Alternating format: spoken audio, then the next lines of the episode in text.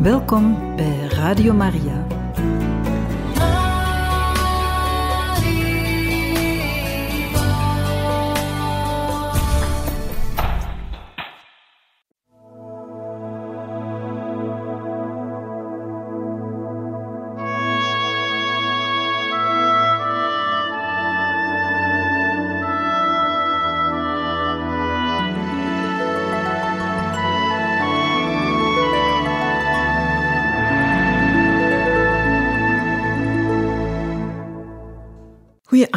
Beste luisteraars van Radio Maria.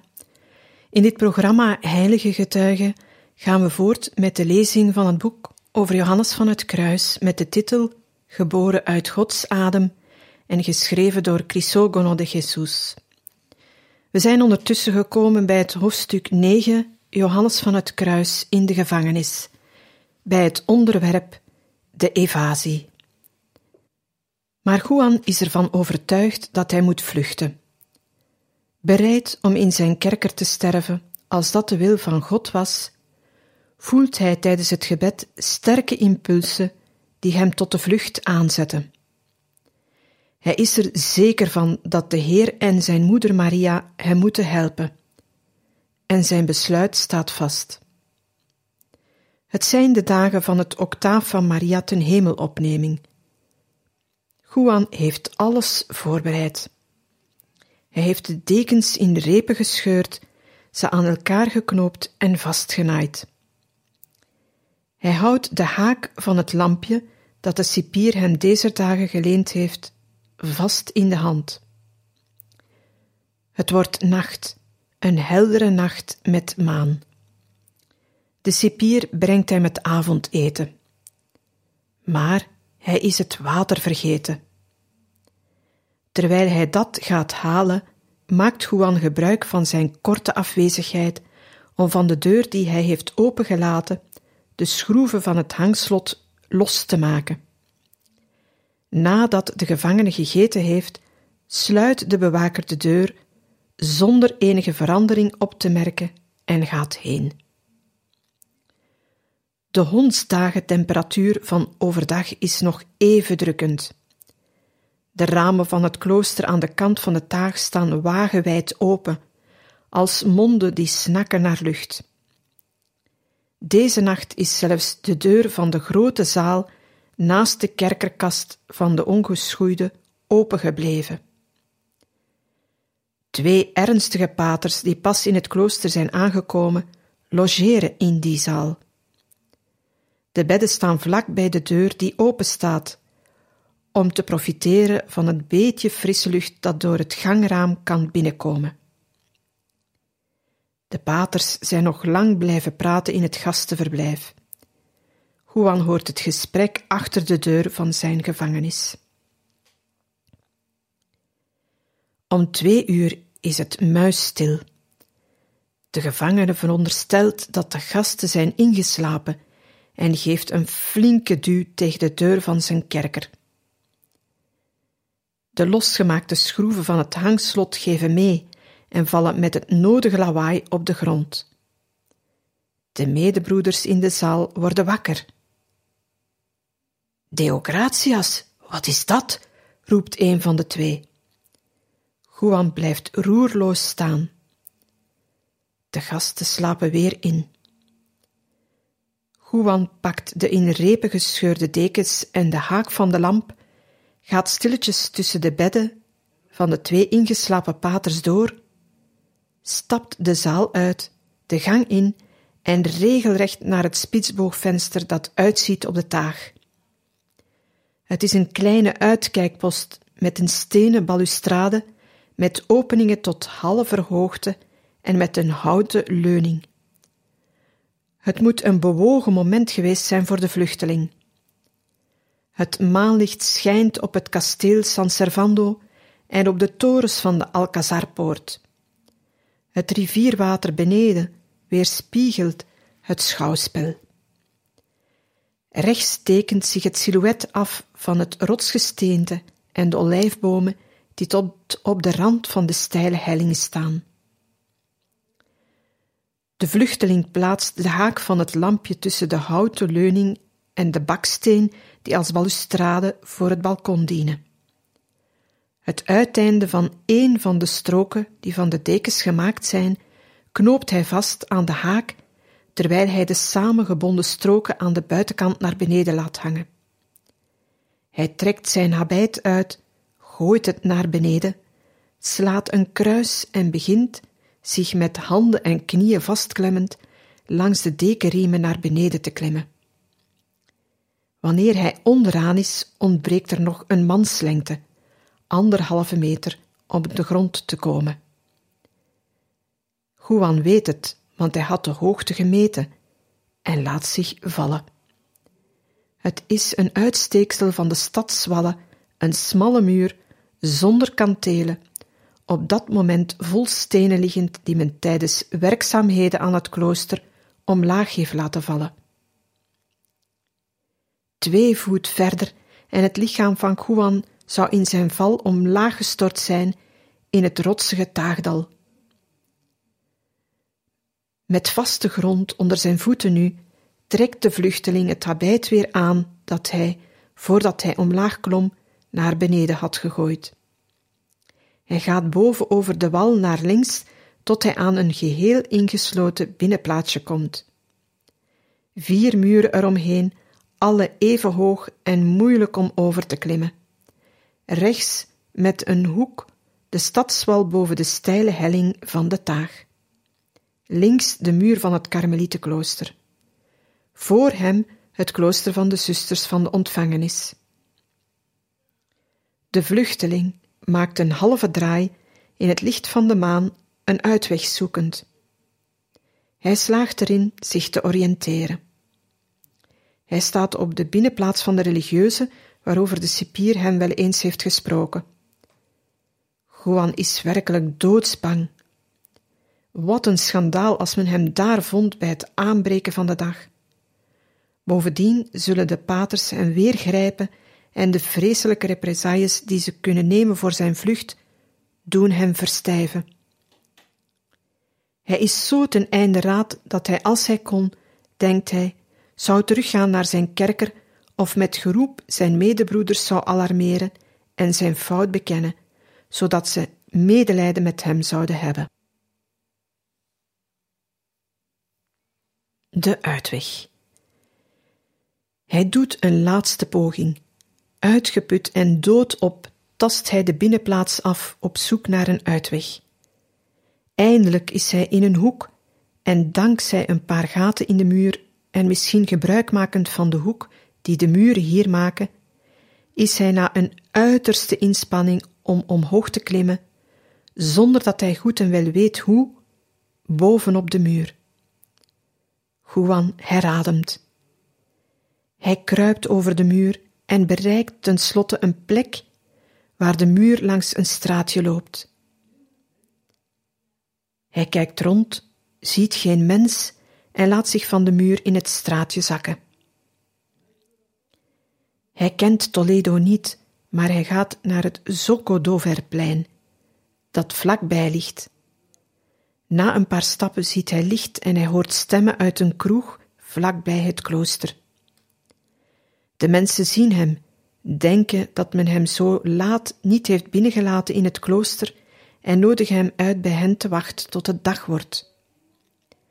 Kom hier, pater, u kunt blijven tot morgenochtend. Het is te laat, ze zullen niet open doen voor u. Juan bedankt ze en zet zijn vlucht voort. Hij steekt het Sokodoverplein over. De groentevrouwen die zitten te dutten bij hun kraampjes zien hem voorbij komen, die religieus met zijn blote voeten, zonder kap en met een gescheurd habit. Ze zijn niet zuinig met hun scheldwoorden en verliezen hem dan uit het oog. Als Juan geweten had waar het klooster van de ongeschoeide monialen stond, waar hij naar op weg was, en dat vlakbij het plein ligt, zou hij rechts de Sileria-straat zijn ingeslagen, om daar af te slaan bij de Correo-straat, aan het eind waarvan op een pleintje het klooster van de dochters van moeder Teresa ligt. Maar de vluchteling weet dat niet. Misschien gaat hij in zijn verwarring juist de tegenovergestelde richting uit. Hij vindt een open deur. In de vestibule verlicht een toorts het silhouet van een edelman, die een blanke degen in de hand houdt, en dat van een dienaar die het licht draagt. Juan blijft staan. Ik smeek u, zegt hij tegen de edelman, mij de gunst te bewijzen dat ik tot het eind van de nacht in de vestibule mag blijven, op die stenen bank, want omdat het al zo laat is, doet men in het klooster niet voor me open. Morgen vroeg ga ik direct weg. De edelman heeft er geen bezwaar tegen. Juan gaat er binnen. De edelman sluit de deur van de trap achter zich af en de ongeschoeide blijft alleen in de vestibule. Daar op een stenen bank brengt hij de uren door die verstrijken tot de dag aanbreekt. Zodra het licht begint te worden, klopt hij op de trapdeur. Hij moet zenuwachtig zijn. Het begint al laat te worden. Het is acht uur in de morgen. Een bediende doet de huisdeur open en Juan gaat op zoek naar het klooster van de Monialen. Hij doet navraag bij de eerste de beste die hij ziet en die wijst hem de weg.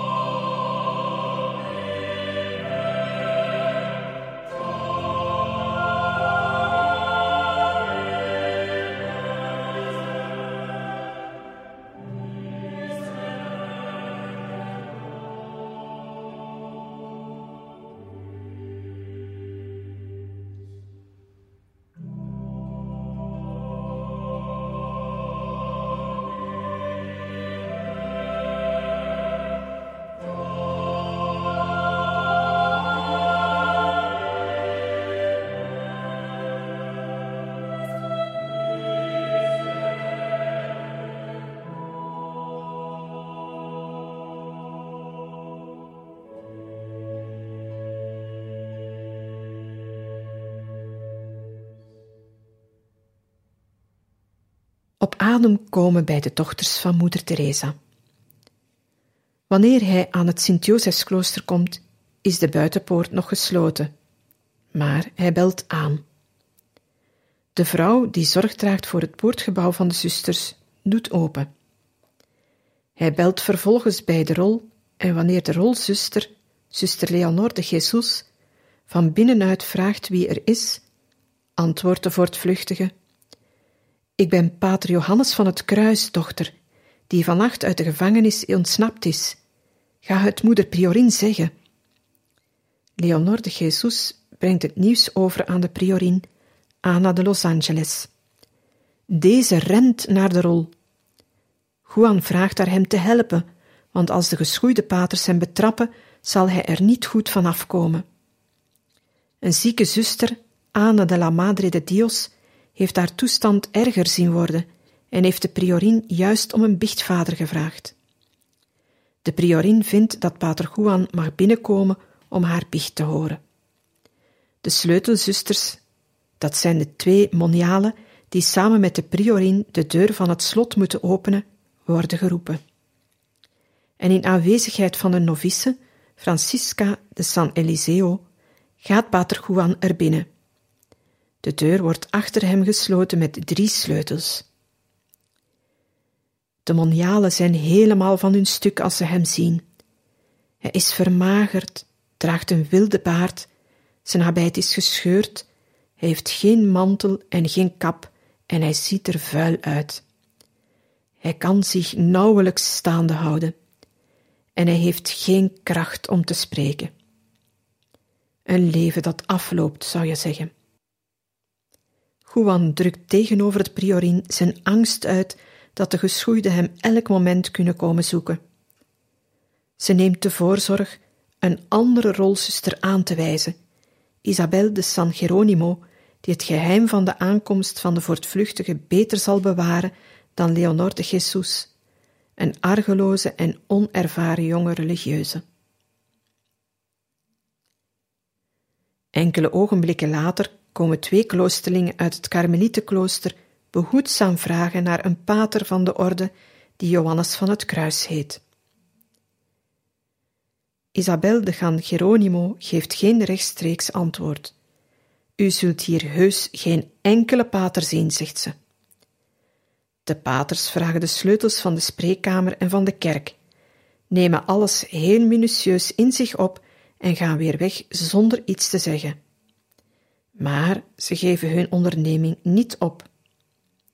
Geholpen door alguaquiles blijven sommigen de hele dag rond het Monialenklooster draaien. Ondertussen gaan anderen naar de vluchteling op zoek langs wegen die hij volgens hen genomen zou kunnen hebben. Ze gaan zelfs tot aan Avila en Medina del Campo.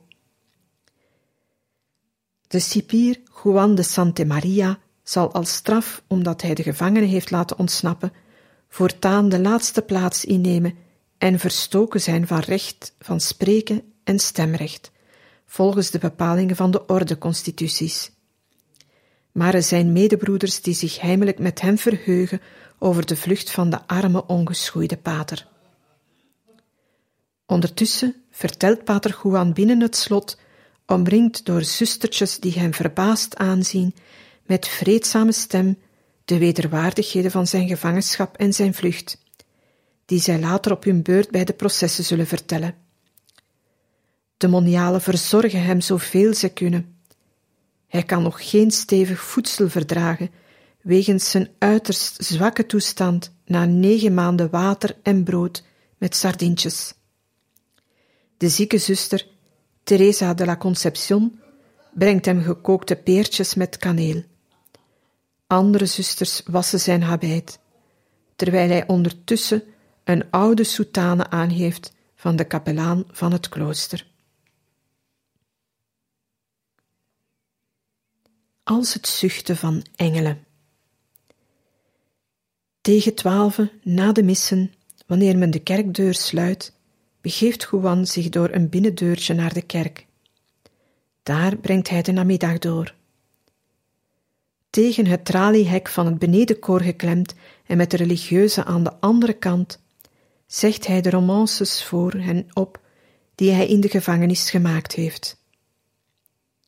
De zwakke stem van de kleine heilige die Pater Juan is, zoals moeder Teresa hem noemt, klinkt in de stilte en het halfduister van de gewijde plaats als het zuchten van engelen.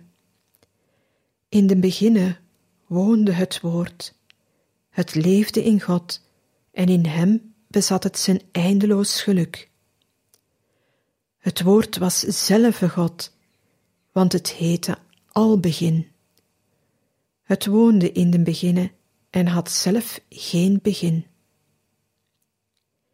In die mateloze liefde, die haar oorsprong heeft in beiden, zeide tot de Zoon de Vader, woorden van groot welbehagen vanuit een gelukservaring, zo diep dat geen mens ze waarneemt, maar alleen de Zoon doorproeft ze, daar ze alleen tot Hem gericht zijn. Terwijl Juan de versen langzaam reciteert, schrijft een religieuze ze op.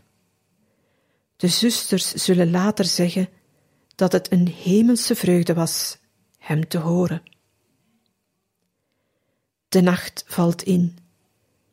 Moeder Priorin, Anna de Los Angeles, vindt dat Pater Juan de nacht niet in de kerk mag doorbrengen. Ze stuurt heimelijk een boodschap naar een weldoener van de communiteit, Don Pedro González de Mendoza, kanuniek van de kathedraal en beheerder van het ziekenhuis Santa Cruz, waarop de adellijke provenier zich bij het moniale klooster aanmeldt. De priorin brengt hem van alles op de hoogte en Don Pedro stelt voor om Pater Juan mee te nemen. In de toestand waarin hij zich bevindt, met de soutane over het habit om niet herkend te worden, laat hij hem in een karos stappen en zo gaan ze naar het ziekenhuis van het Heilig Kruis met de mooie Plateresco-gevel. Het is niet ver van het klooster van de ongeschoeide zusters, maar nog dichter bij het Alcazar en ook vlak bij het Karmelietenklooster.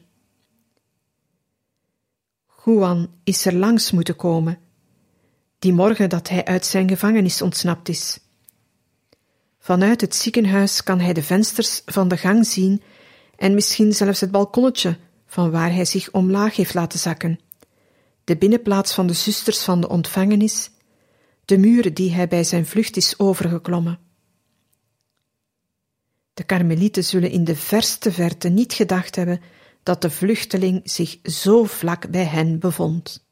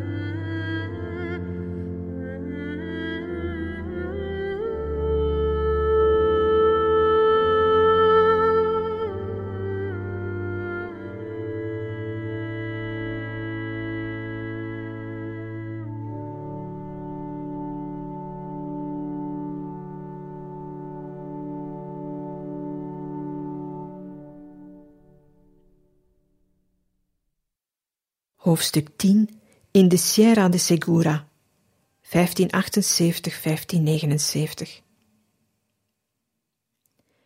Na tien maanden isolement weer bij zijn broeders. Pater Juan heeft de gevangenis verlaten in de zwartste dagen van de hervorming. Nuncius Ormaneto is overleden. De benoeming tot visitator die Gracian van hem had gekregen, is herroepen door Ormaneto's opvolger Felipe Sega. De ongeschoeiden zijn weerloos overgeleverd aan de geschoeiden. Als gunsteling van de nieuwe nuncius heeft Pater Tostado zijn aanvallen hernieuwd door draconische maatregelen tegen de ongeschoeiden te nemen.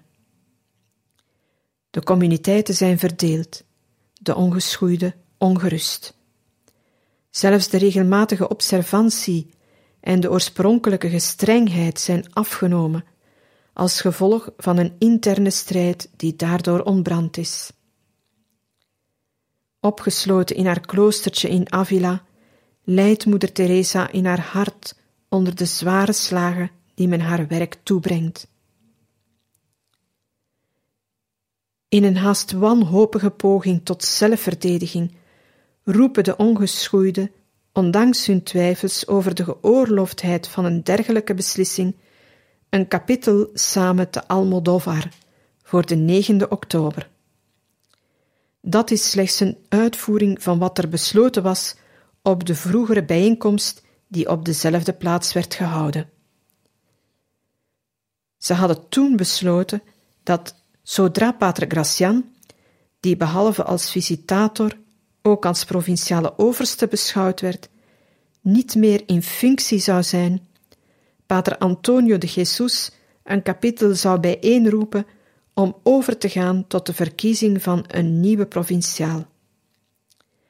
Daar Gracian bij decreet van Nuncius Sega op 23 juli uit zijn ambt ontzet was, meende men dat het moment was aangebroken om de afgesproken vergadering te houden, ten einde zich veilig te stellen tegen de vreselijke houding van de geschoeide.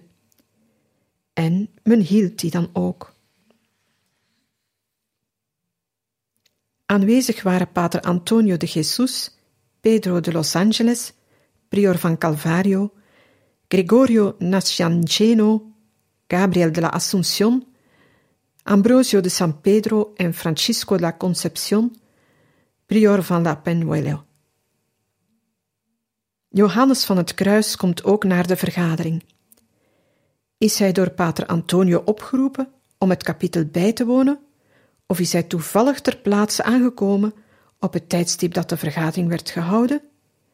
Misschien heeft Juan, in de mening dat hij sterk genoeg was om te reizen, besloten om zich naar Almodovar te begeven. Het is het dichtstbijzijnde klooster van de ongeschoeide en hij zou daar contact met de zijne kunnen opnemen na de tien lange maanden van totaal isolement die hij heeft doorgemaakt. En het ligt ook het verst weg van het centrum van de geschoeide die hem nog moeten zoeken.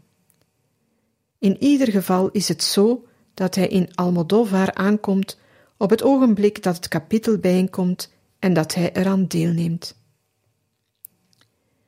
Hij is nog verzwakt als hij aankomt in gezelschap van de dienaren van Don Pedro de Mendoza, de edele provenier uit Toledo, die hem twee maanden bij zich gehouden heeft in het ziekenhuis van het Heilig Kruis te Toledo, waar hij hem verborgen hield en voor hem liet zorgen. Maar de verzorging die hij er gekregen heeft, was niet toereikend voor het herstel van zijn organisme, dat in zo'n jammerlijke toestand uit de gevangenis was gekomen.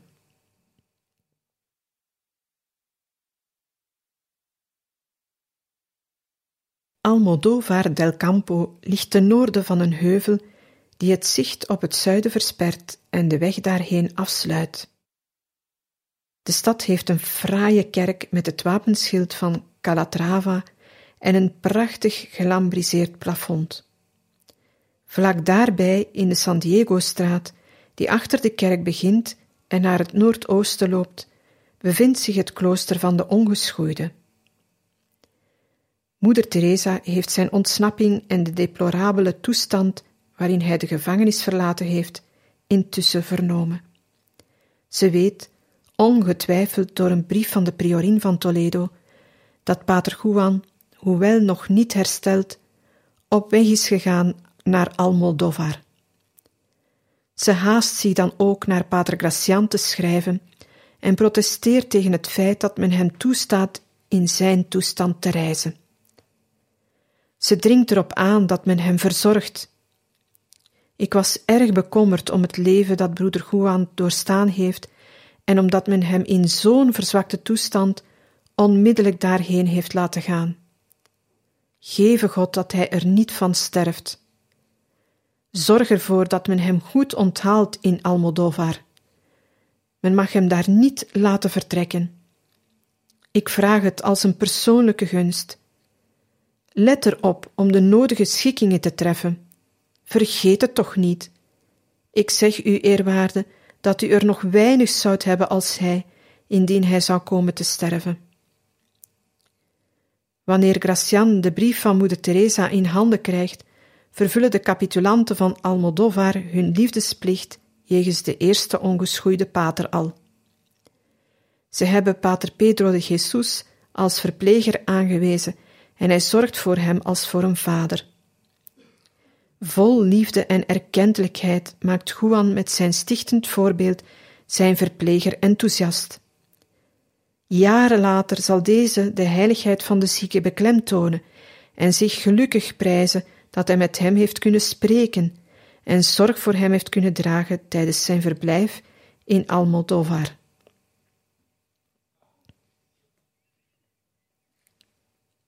Overste te Calvario. Zijn ziekelijke toestand belet Juan niet de kapitelzittingen bij te wonen. De voorzitter, pater Antonio de Jesus, begint met het samenroepen van het kapittel te rechtvaardigen. Men heeft advies gevraagd over de geoorloofdheid ervan.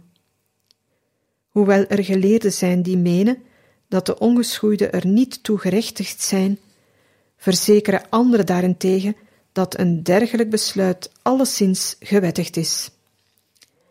Welk standpunt is door Juan of door de andere capitulanten gehuldigd tegenover dit probleem? Het feit dat zij aanwezig waren op het kapitel en er gestemd hebben over resoluties, wettigt logischerwijze de mening dat zij het eens waren met de door Pater Antonio aangevoerde argumenten. Er worden drie belangrijke besluiten genomen: de verkiezing van een provinciaal, namelijk Pater Antonio zelf, net als ook al gebeurd was op het vorige kapitel van 9 september 1576, de benoeming van een procurator die naar Rome zal gaan om de afscheiding van de ongeschoeide en de vorming van een aparte provincie te vragen. Voor die taak denkt men eerst aan Pater Gabriel de la Assuncion, maar tenslotte vertrouwt men de zending toe aan Pater Nicolas de Jesus Maria Doria, met als socius Pater Pedro de Los Angeles. Als derde besluit tenslotte de benoeming van Pater Johannes van het Kruis ter vervanging van Pedro de Los Angeles als overste van het Calvario-klooster. Wanneer de zending van twee ongeschoeiden naar Rome wordt behandeld, vraagt Johannes van het Kruis dat de benoemingsakte door allen getekend zou worden, waaraan gevolg wordt gegeven. Later zullen sommige capitulanten het betreuren dat ze getekend hebben, uit angst voor onaangename gevolgen en last die deze ondertekening voor hen zou kunnen meebrengen. Maar Juan stelt hem persoonlijk gerust door hem profetisch het resultaat van die zaak te verzekeren. Het kapitel is nog niet beëindigd wanneer Pater Juan de Jesus Roca zich in Almodovar aandient. Hij komt uit Madrid. De nuntius beveelt hem terug te gaan naar Manchera, waar hij prior is. Maar, ingelicht over de vergadering van de ongeschoeide en op de hoogte van de vijandigheid van de nuntius, komt hij in de stad van La Mancha om de capitulanten loyaal te waarschuwen voor het gevaarlijke van hun situatie. Men oefent er rechtsbevoegdheid uit. Verkiezing van een provinciaal, benoeming van plaatselijke oversten, zoals die van Calvario, aanwijzen van procurators voor Rome. En de ongeschoeiden hebben absoluut geen bevoegdheden. De genomen besluiten zijn dus wederrechtelijk en ongeldig. Bovendien zou de wraak van de nuntius, als hij er kennis van krijgt, gezien zijn tegen de ongeschoeide gekante geestesgesteldheid, wel eens noodlottige gevolgen kunnen meebrengen voor de hervorming. Maar de capitulanten houden stand. Om de mogelijke reactie die van de nuntius te vrezen is, tijdig te pareren, wordt besloten dat de nieuwe provinciaal, vergezeld door enkele capitulanten, naar Madrid zal gaan om de nuntius nog voor hij het langs een andere weg te horen krijgt, de genomen besluiten mee te delen, ze aan zijn goedkeuring te onderwerpen en zijn zegen te vragen voor de voortzetting van het begonnen werk. Ondertussen houdt men Pater Roca een maandje in Almodovar om te voorkomen dat hij gedwarsboomd voortijdig contact opneemt met de nuntius.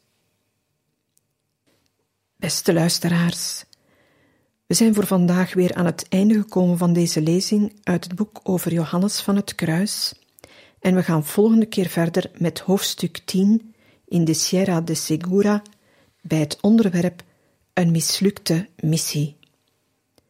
Bedankt voor het luisteren en graag tot morgen.